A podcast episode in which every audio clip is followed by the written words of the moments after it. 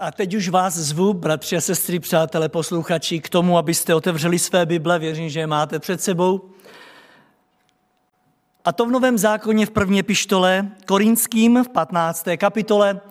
Pro to dnešní kázání budeme číst prvních 11 veršů. Opakují první epištola Korinským, kapitola 15. Od prvého verše ve jménu Pána Ježíše čteme toto slovo. Chci vám připomenout, bratři, evangelium, které jsem vám zvěstoval, které jste přijali, které je základem, na němž stojíte a skrze něž docházíte spásy, držíte-li se ho tak, jak jsem vám je zvěstoval. Vždyť jste přece neuvěřili nadarmo. Odevzdal jsem vám především, co jsem přijal. Že Kristus zemřel za hříchy podle písem, byl pohřben, byl vzkříšen třetího dne podle písem, ukázal se Petrovi, potom dvanácti, poté se ukázal více než pětistům bratři na jednou. Většina z nich je posun na živu, někteří však jí zesnuli. Pak se ukázal Jakubovi, potom všem apoštolům, naposledy ze všech se jako nedochůčetí ukázal i mě. Vždyť já jsem nejmenší z apoštolů a nejsem ani hoden jména apoštol, protože jsem pronásledoval církev Boží. Milostí Boží jsem to, co jsem. A milost, kterou mi prokázal, nebyla nadarmo. Více než oni všichni jsem se napracoval. Nikoli já. Nýbrž milost Boží, která byla se mnou. Ať už tedy já, nebo oni, tak zvěstujeme a tak jsme uvěřili. Tolik čtení z písma. Milost vzkříšeného Krista, to je nádpis tohoto kázání. Nebo chcete-li milost obdržená při vzkříšení Pána Ježíše Krista. Já se vám musím přiznat, drazí bratři a sestry, že jsem si do těchto velikonoc nikdy nevšiml jedné věci, a sice, že boží milost nám byla prokázána více jak kdykoliv jindy právě vzkříšením Ježíše Krista. Ano, působila tady předtím, určitě ano, ale byla nám tak úžasně prokázaná vzkříšením jako nikdy jindy.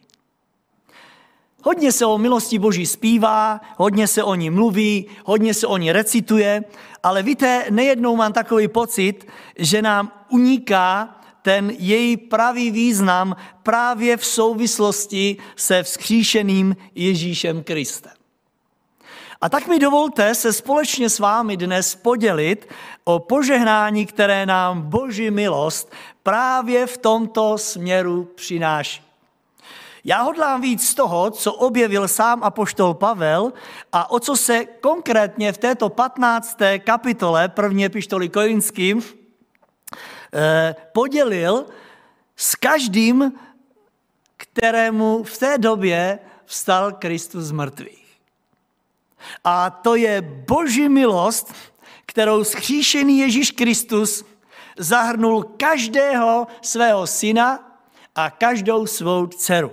Předložím vám ji ve třech bodech dnešního kázání. Za prvé, milost odpuštění. Drazí bratři a sestry, já nevím, do jaké míry nám to v těchto povelikonočních dnech dochází, ale faktem je a zůstane, že milost odpuštění je něčím, co nikdo z nás nedokážeme docenit. Sledujme společně, co tato milost vzkříšeného Ježíše Krista udělala s apoštolem Pavlem. Více jak kdy jindy se zastavuje sám Pavel nad tím, co se stalo v jeho životě.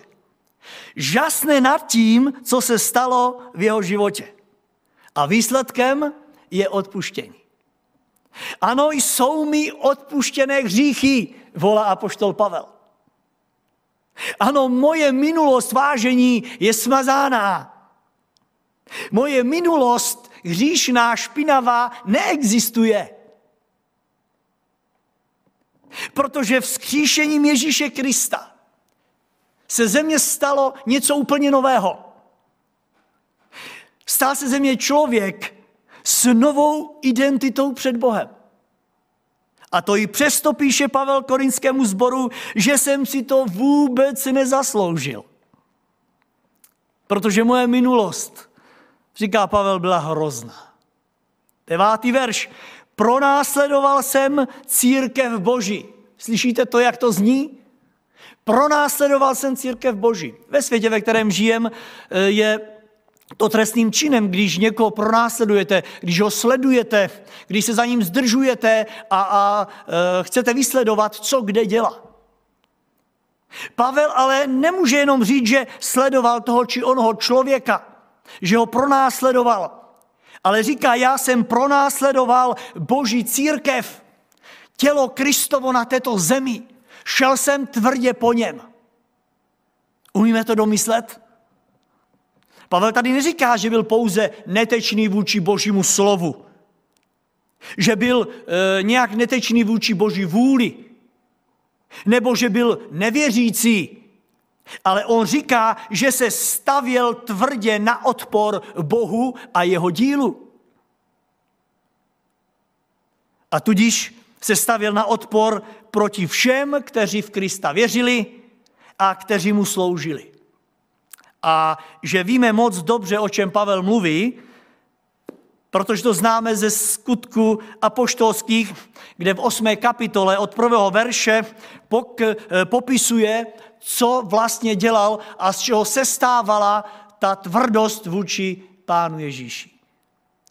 Zaposlouchejte se do tohoto slova. Skutky 8. kapitola, první verš. Saul schvaloval, že Štěpána zabili.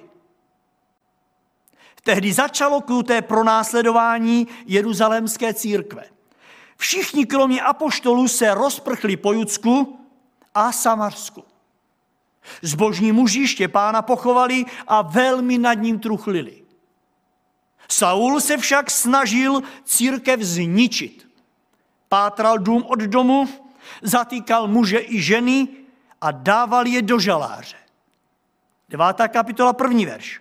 Saul nepřestával vyhrožovat učeníkům páně a chtěl je vyhladit.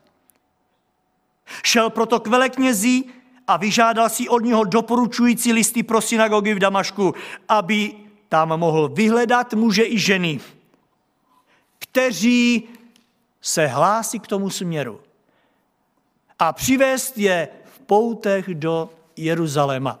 Tolik čtení z Bible. A teď, drazí moji, Pavlovi dochází, že mu to bylo odpuštěno. Že smrtí Ježíše Krista a následným skříšením je toto všechno, co tady vyjmenovává, minulosti. Pavel zjišťuje, že ten hřích se mu už vlastně vůbec nepočítá, že je smazán. Proto žasne nad tím, že i přesto, že ho Bůh, že i přesto všechno ho Bůh zahrnul mezi ty své vyvolené. A tak s jakousi bázní a hlubokým uvědoměním říká v osmé verši, jako nedochůdčetí se pán ukázali mě. Pod čarou najdete napsáno, jako nedonošenému dítěti se ukázal i mě. Jinými slovy, já jsem na to, přátelé, neměl nárok. Na život, který žijí teďko s Kristem, na ten svatý, čistý, nový život, já jsem na něj neměl nárok. Ale on mi ho dal. Já navíc nemám ani nárok se nazývat apoštolem.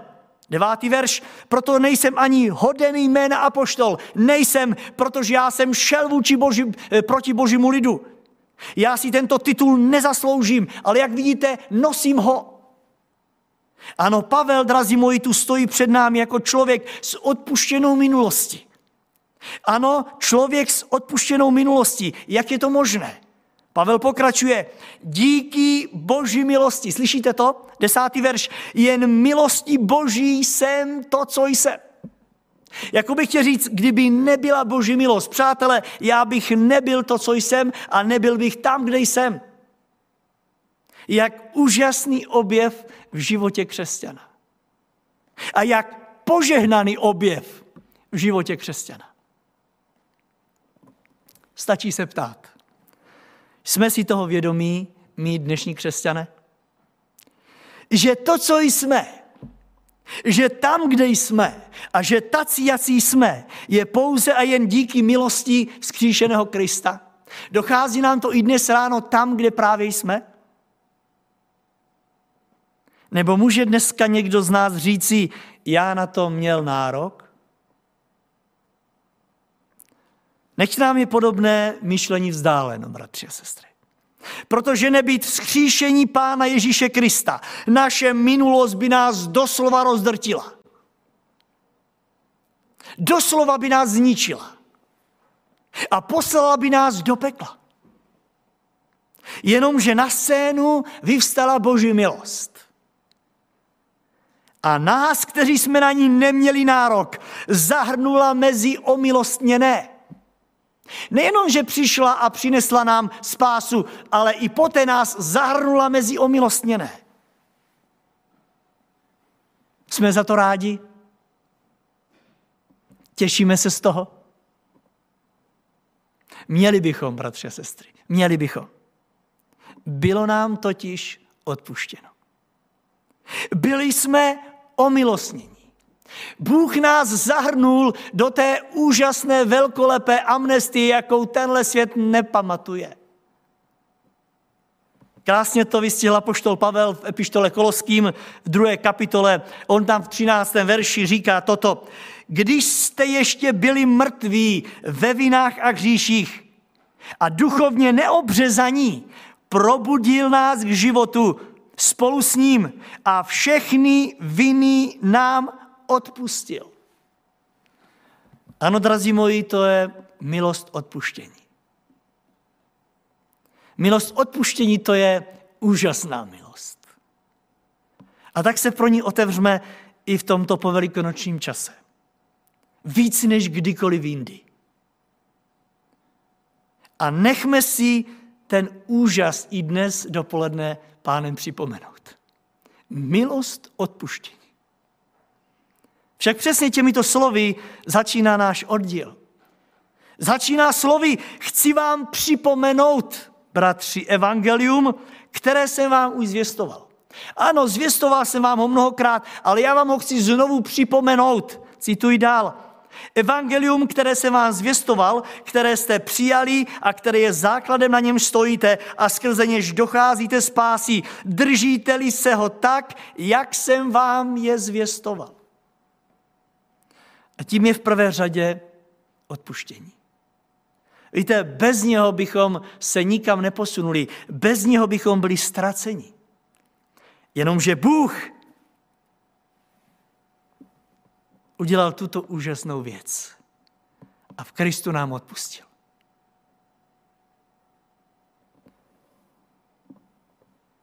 Písmo ale nezapomíná připomínat v Lukáši 7.47 druhé části, komu se odpouští málo, ten také málo miluje. Prosím pána v tuhle chvíli, aby mě i všem nám dopomohl k tomu, abychom dali najevo, kolik nám bylo odpuštěno. Jak moc jsme od něho dostali. A jak moc ho za to milujeme. Půjdeme dál v dnešním kázání k druhému bodu. A to je milost transformace. Víte, to je další věc, která můj život v tomto roce o Velikonocích velmi, velmi poznamenala. Skříšení Ježíše Krista je totiž nejenom o odpuštění, ale také o obrovské milosti, která omilostněného člověka přetváří do nového charakteru. A právě toto není možné u apoštola Pavla přehlednout. Z něho tato milost udělala někoho úplně jiného, než byl. Dokonce i jméno se změnilo. Už tady nemáme před sebou Saula, který pronásleduje církev, ale máme tady Pavla, služebníka Ježíše Krista. Teď nechci být, eh, bratři a sestry, špatně pochopen. Nemyslím si, že jí změna jména něco hlubšího změní v mém a vašem životě. Víte, našli se i taci a najdou se ještě, kteří si myslí, že když si změní jméno, tak všechno bude jiné. E, mnohým to změnu nepřineslo. Tady je řeč o změně, kterou zapříčinila milost skříšeného Krista v životě člověka. Ne nic mého a nic tvého, nic našeho, ale jeho milost, moc skříšeného Krista se v oné milosti podepsala na každém člověku, který se pro ní otevřel. Ano, milosti Boží, říká Pavel, jsem to, co jsem. A teď poslouchejte. A milost, kterou mi prokázal, nebyla nadarmo. Proč? Protože se to podepsalo na mém životě. Milost Boží, kterou mi prokázal, ve které mi odpustil, ta v mém životě nevyzněla na prázdno. Ta se hluboce zapsala do mého srdce a na můj život. Jsem někdo úplně jiný, říká Pavel. Jsem člověk s jiným charakterem, než jaký jsem měl. A není divu, vždyť ve chvíli, kdy se setkal se vzkříšeným Ježíšem Kristem, došlo ke smrti v jeho životě, eh, došlo ke smrti toho starého člověka, toho starého Saula.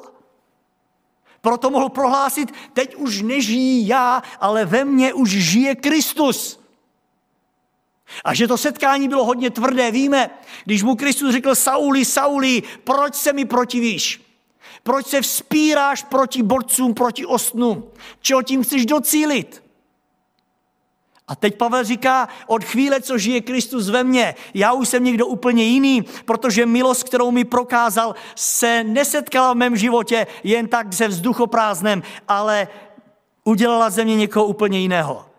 Můj charakter je jiný, říká Pavel.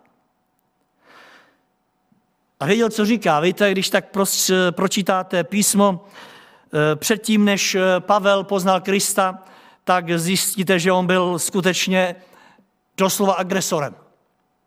Ano, byl žid, eh, sloužil Bohu, jak sám říká, ale jeho neobřezané srdce bylo velmi agresivní.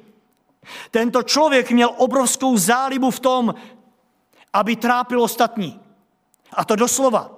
Bible říká, že měl velikou radost v tom, když je mohl přivádět spoutané, vnímejte služebníky Ježíše Krista, když je mohl přivádět spoutané do Jeruzaléma. Měl velmi velkou radost toho, když je mohl, když mohl svázat ruce. Když je mohl omezit na svobodě, když je mohl vzít od rodin, otce a matky. Ale tam to nekončilo. On měl obrovskou zálibu v tom, když je mohl soudit. A také, když je mohl trestat. A to dokonce smrti. Ano, Pavel, bývalý Saul, měl obrovskou zálibu ve smrti.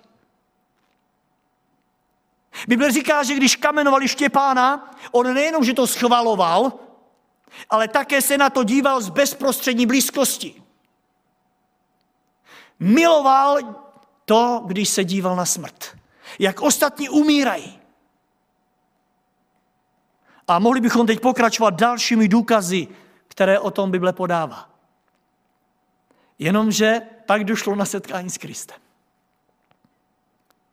A vzkříšený Kristus charakter Pavla mění.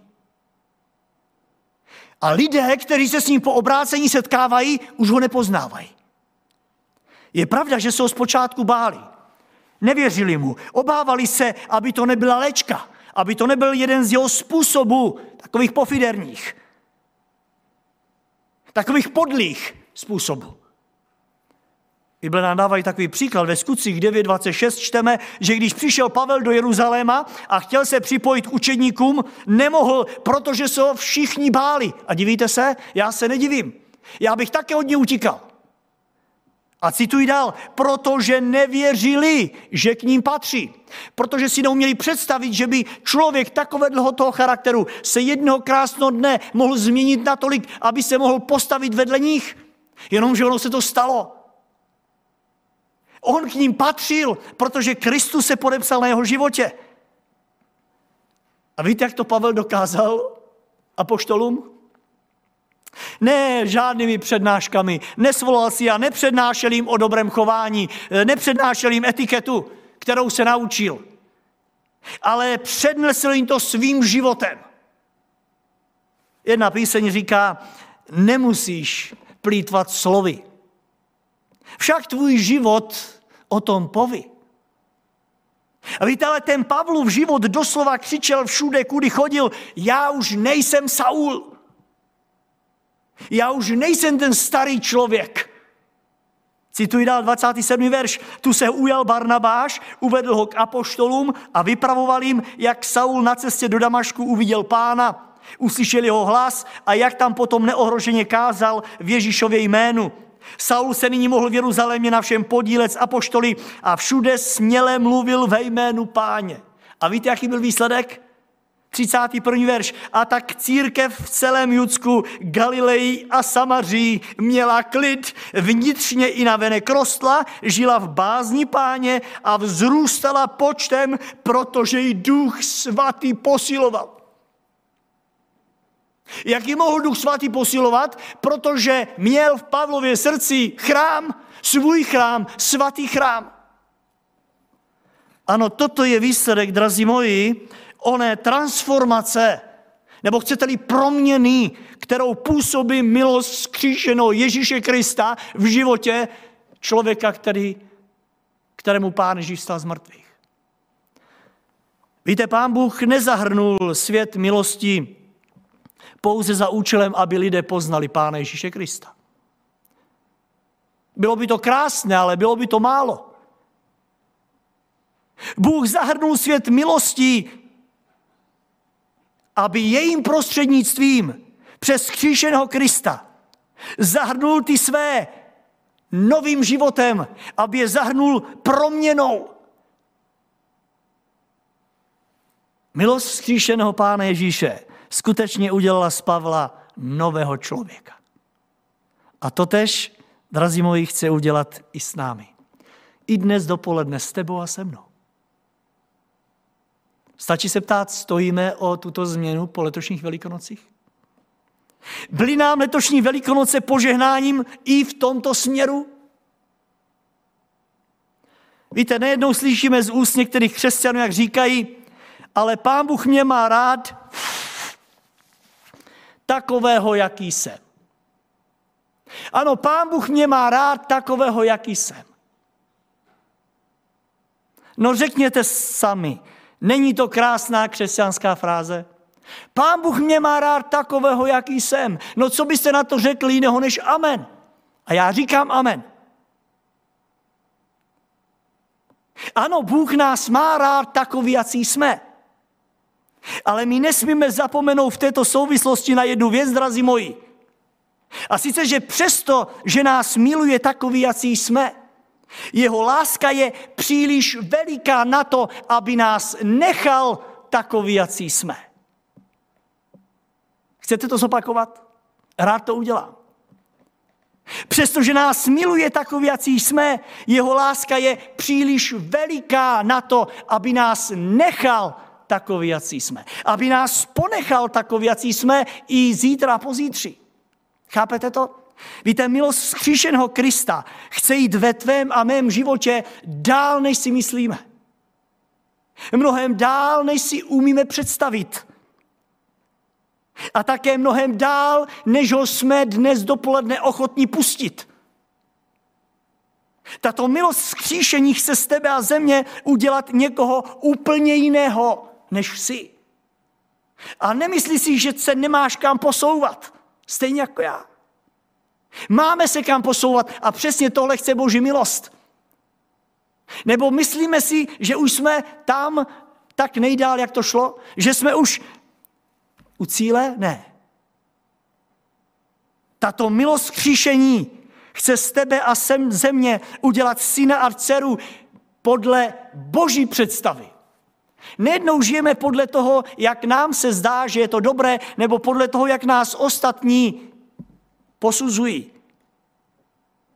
Ale milost kříženého Krista chce i po letošních velikonocích ti připomenout, že je tady ta boží představa, to boží zrcadlo, ta boží vůle. Galackým 3. kapitola 27. verš říká, neboť vy všichni, kteří jste byli pokřtěni v Krista, vy jste také Krista oblékli. Vzkříšený Kristus už nikdy nebyl stejný jako předtím. Nebo ano? Ne, ne. I když v podobě zůstal stejný, učedníci před ním neutíkali, když přišel? Ale my víme, že on stejný nebyl. On měl oslavené tělo, které nepotřebovalo klíč ani otevřené dveře. Jednoduše byl jiný. Ty a já ještě dveře potřebuješ, ale spoustu toho, co se nás drží, už nepotřebujeme. Potřebujeme ještě si odemknout, vejít dveřmi, ale spousta toho v mém a tvém životě je, co už nepotřebujeme. A tak se nechme proměnit do této boží podoby. Nechme si do nás vložit ten boží charakter. Nechť milost transformace si udělá svou práci na mém i tvém životě. Moc to potřebujeme, drazí moji, moc. My potřebujeme být podobní Kristu. Ještě víc a ještě lépe a ještě jasněji. Víte, nejednou právě toto je kamenem úrazu světu, v něm žijeme. Odrážíme na svých životech všechno možné, jenom ne Krista v tom jeho božském charakteru. Mluvíme o něm, to ano. Opěvujeme jeho charakter, to ano. Ale nějak to není na nás všude vidět. A poštol Pavel se ale nebojí na sebe ukázat jako na toho, kdo je hoden následování v této oblasti. To byla odvaha, co říkáte Filipským 3.17. Bratři, napodobujte mne. Máme tuto odvahu někomu říct? Napodobuj mě v životě za Ježíšem Kristem. Proč? Pavel říká, protože on mě prostoupil. Ano, Pavel odrážel Kristův charakter. Filipským 4.9. Čemu jste se u mě naučili, co jste přijali a uslyšeli, spatřili, to čiňte a poslouchejte a Bůh pokoje bude s vámi. Protože je se mnou. Kež by podobnou transformaci na nás zanechali i letošní velikonoce.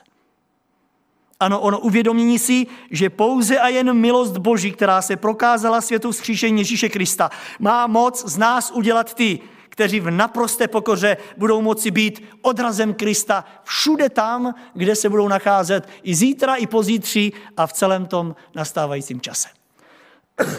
A je tu eh, poslední bod tohoto kázání. A sice milost služby. Žasněte se mnou dál, bratři a sestry. Milost vzkříšeného pána Ježíše se nezastavila v Pavlově případě ani u odpuštění jako takového, ani u transformace jako takové, eh, u proměny lidského charakteru, ale ona pokračovala dál a to k samotné službě. Ne, neoblékla si ten hábit odpuštění a proměny a neuložila se na gauč s tím, že teď už pouze vyhlížet pána. Žel v některých, u některých křesťanů přesně tohle nacházíme. Bylo mi odpuštěno, jsem už někdo jiný a teďkom si počkám na příchod Krista. Všimněte si, milost Boží se nezastavuje u tohoto. V případě Pavlově po odpuštění a transformace přišla na řadu služba a ta byla též úplně jiná, nová. Boží milost překopala s Pavlovu službu úplně od základu. A on se tomu nebránil. To se mi líbí. Zkuste nad tím přemýšlet. Do té doby měl Pavel přeplněný diář služby, u které se domníval, že Bohu slouží. Nevěděl, kam dřív skočit běhal i za hranice Jeruzaléma, aby tam naplnil Boží vůli.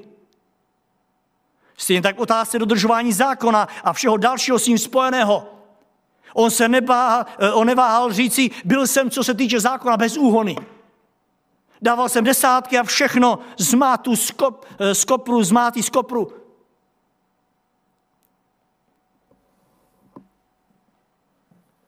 Ale pak, když se na to podíval zpětně, na tu službu, u které se doslova ubil. Prohlásil o tom ve Filipským 3.8 toto. A vůbec všecko pokládám za ztrátu. Neboť to, že jsem poznal Ježíše svého pána, je mi nade všecko. Pro něho jsem všecko ostatní odepsal a pokládám to za nic.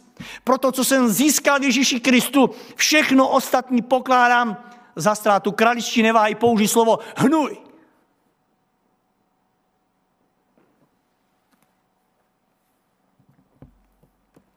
Pojďme se proto, bratři a sestry, touto milosti vzkříšení i mít dnes oslovit. Pojďme se nechat oslovit do té míry, že si položíme tuto povelikonoční otázku.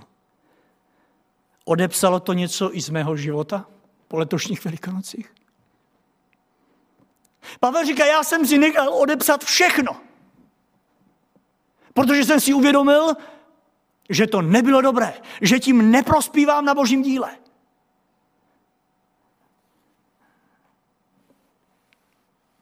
Pane, proškrtal jsi i moje plány? Udělalo to něco s naší službou po letošním vzkříšení? Po té tělesné stránce nám to pěkně proškrtalo. Můj diář by mohl vyprávět, co všechno muselo zmizet. Ale pojďme se ptát společně tam, kde jsme. Každý z nás ve svých rodinách. Proškrtalo to i něco z toho duchovního. Něco, z čeho jsme my si mysleli, že tím uctíváme pána, že toto je to gro. Duch Boží svatý je připravený dnes, aby nám ukázal stejně jako Pavlovi. Co je potřeba přeškrtnout, co je potřeba nahradit a co je potřeba dát do popředí. A poštol Pavel věřícím do Korintu píše v druhém verši, druhé části, vždyť jste přece neuvěřili nadarmo. Neuvěřili, neuvěřili jste proto, abyste si sedli a dělali jste si, co vy si myslíte, že je dobré. Nebo snad ano, bratře, sestro, nebo snad ano, uvěřili jsme právě proto? Já říkám ne. Vaše a moje víra se nesmí zastavit pouze uvědomí, že jsme spaseni. Naše víra se nesmí zastavit pouze uvědomění, že jsme proměněni. My musíme své životy dát Bohu do služby. A to podle jeho vůle. A mně se líbí, že Pavel začíná u sebe. Třetí ve říká, odevzdal jsem vám především to, co jsem sám přijal. Víte, máme častokrát pokušení kázat ostatním a říkat, co oni by měli dělat a hledat jejich chyby. Pavel říká, já jsem vám dal jenom to, co jsem já od pána vzal. Co jsem sám přijal, to jsem vám dal. Jinými slovy, já jsem se dal skříšenému Kristu do služby a byl jsem od něj ochoten přijímat každodenní úkoly. Ano, stál jsem se jeho služebníkem. Proto všechny jeho epištoly začínají tím krásným připomenutím. Žasnu častokrát nad tím.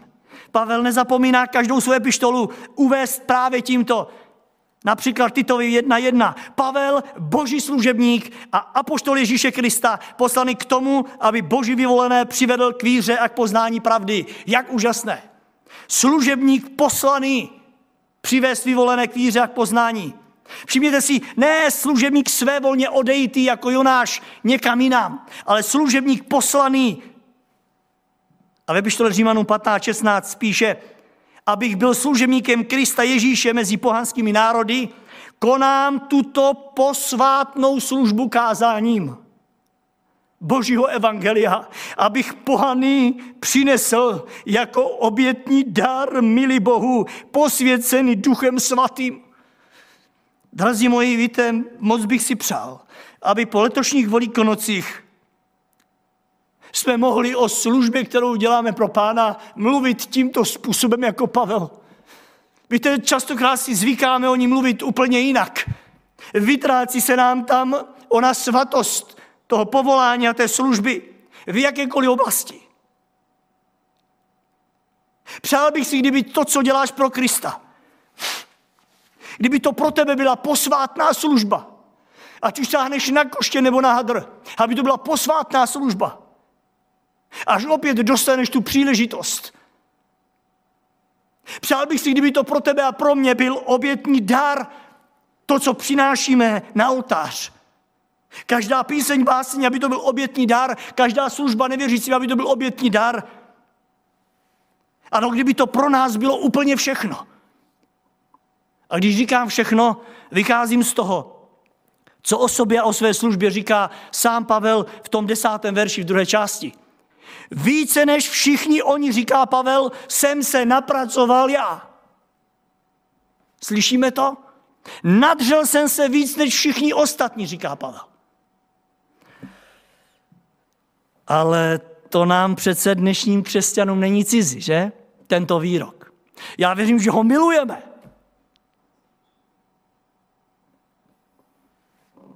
Víte, drazí moji, to, že málo dnes kdo pracuje v církvi, není proto, že je nedostatek služebníků na všech frontách. Není to proto, že by nebyli dělníci na boží vinici. Ale většinou je to proto, protože my máme tento klamný pocit, že jsme se už všichni příliš nadřeli pro pána. Říkal mi před časem jeden muž, ty víš už, kolik já jsem se pro pána napracoval a dělají i ostatní. Ty víš, kolik já jsem se nadřel na boží vinici? Nikomu to nevyvracím, bratři a sestry. Nikomu to nevyvracím. Ale to, co si přejí, je, aby po veletočních velikonocích jsme na to měli, na tu, naše, na tu naši dřinu, ten boží pohled, Kristův pohled, posleze apoštola Pavla pohled. Všimněte si, co říká. Pavel pokračuje. Více než oni všichni jsem se napracoval já. A teď udělá pomlčku a říká, nikoli já, abych nebyl špatně pochopen, nýbrž milost Boží, která byla se mnou. Drazí moji, jak to pochopit pro dnešní dobu? Jak to mám pochopit pro svůj život?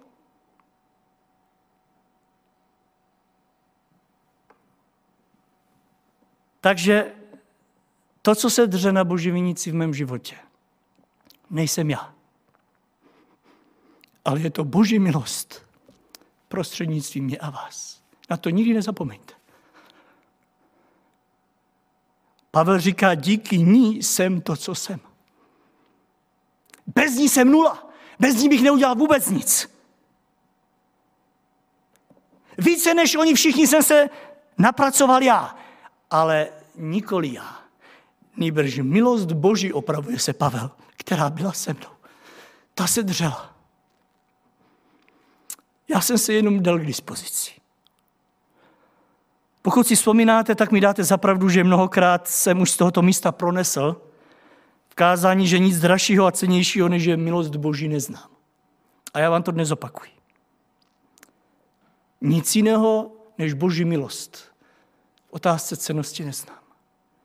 Protože v ní je stále to všechno, co potřebuješ a já s tebou na službě na vinici Boží.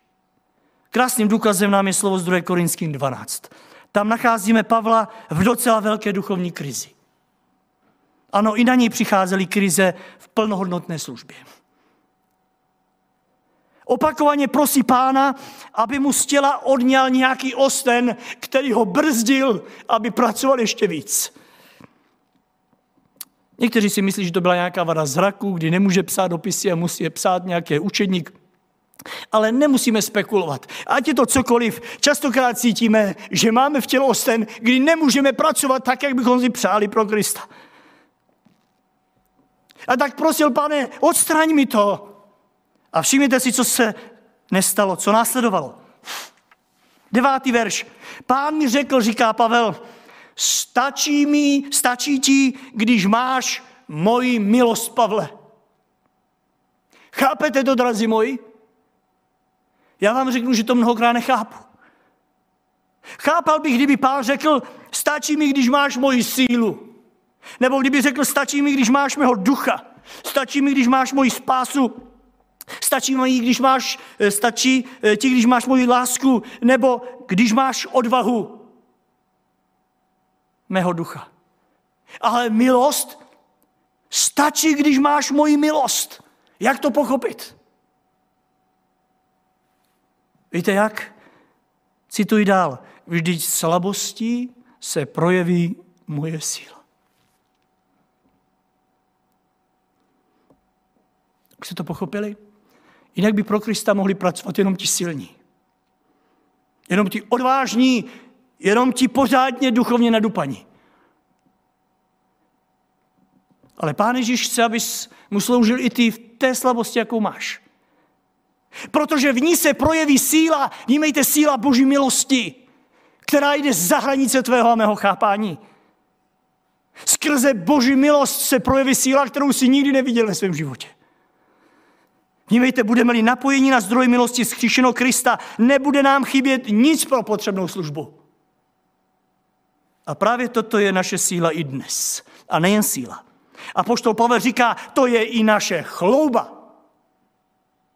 2. Korinským je na 12. Toto je naše schlouba, naše svědomí nám dosvědčuje, že jsme v tomto světě a zvláště vůči vám žili ve svatosti a v rizosti před Bohem a nespolehali na světskou moudrost, nýbrž na milost Boží.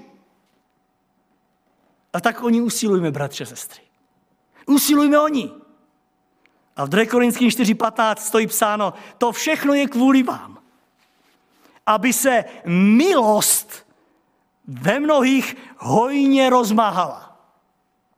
A tak přibývalo díku k slávě Boží. Opak, drazí moji, by byl zdrcující.